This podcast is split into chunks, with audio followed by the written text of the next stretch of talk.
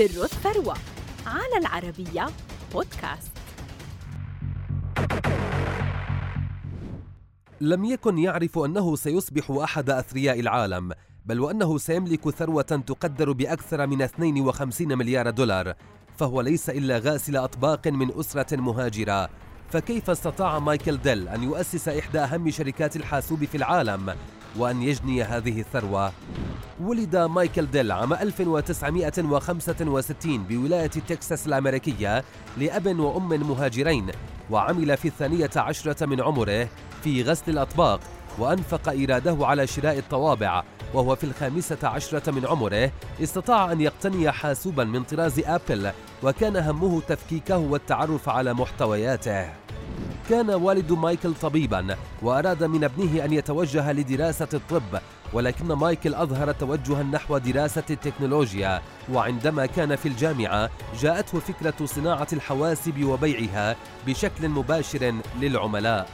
واستطاع مايكل أن يجمع رأس مال مشروعه من عمله في مجال استقطاب المشتركين الجدد لجريدة هيوستن بوست فقطع دراسته وقرر البدء بمشروعه الخاص. كان ذلك في الثمانينيات حيث أسس شركة ديل للحواسب الآلية وبمبلغ لا يتجاوز الألف دولار. وبحلول عام 2000 توسعت الشركة وافتتحت مكاتب وفروعا في 34 دولة وتجاوز عدد موظفيها 35 ألفا فيما أصبح مايكل مليارديرا بعد 15 عاما. من تأسيس الشركة. في عام 2004 تنحى ديل عن منصب الرئيس التنفيذي للشركة لكنه بقي على منصبه كرئيس مجلس الإدارة لكن الشركة واجهت بعض المشكلات ولذلك عاد لمنصبه في عام 2007 لكن المشكلات استمرت واتهمت الشركة بتضليل المستثمرين حول أرباحها الفعلية. في عام 2010 دفع مايكل أكثر من 100 مليون دولار من أجل تسوية اتهامات الاحتيال المحاسبية التي قدمتها لجنة الأمن والبورصة ضد شركته.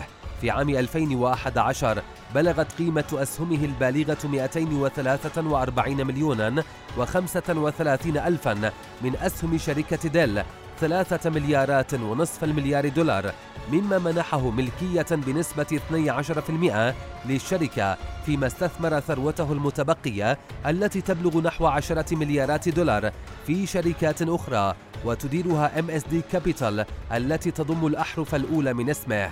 في 2013 عاد لإدارة الشركة بنفسه وأبرم اتفاقا مع شركة أسهم كبرى لشراء جميع الأسهم البارزة لشركته في صفقة اعتبرت الأكبر في عمليات الشراء آنذاك حيث تجاوزت قيمتها 23 مليار دولار.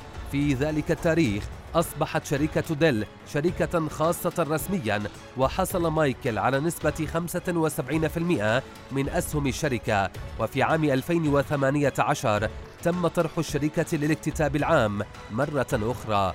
في العام 2021 حصل مايكل على المرتبة الخامسة والعشرين في قائمة أغنى أغنياء العالم في مؤشر بلومبرج للمليارديرات بصافي ثروة قدرها 51 مليارا و700 مليون دولار أمريكي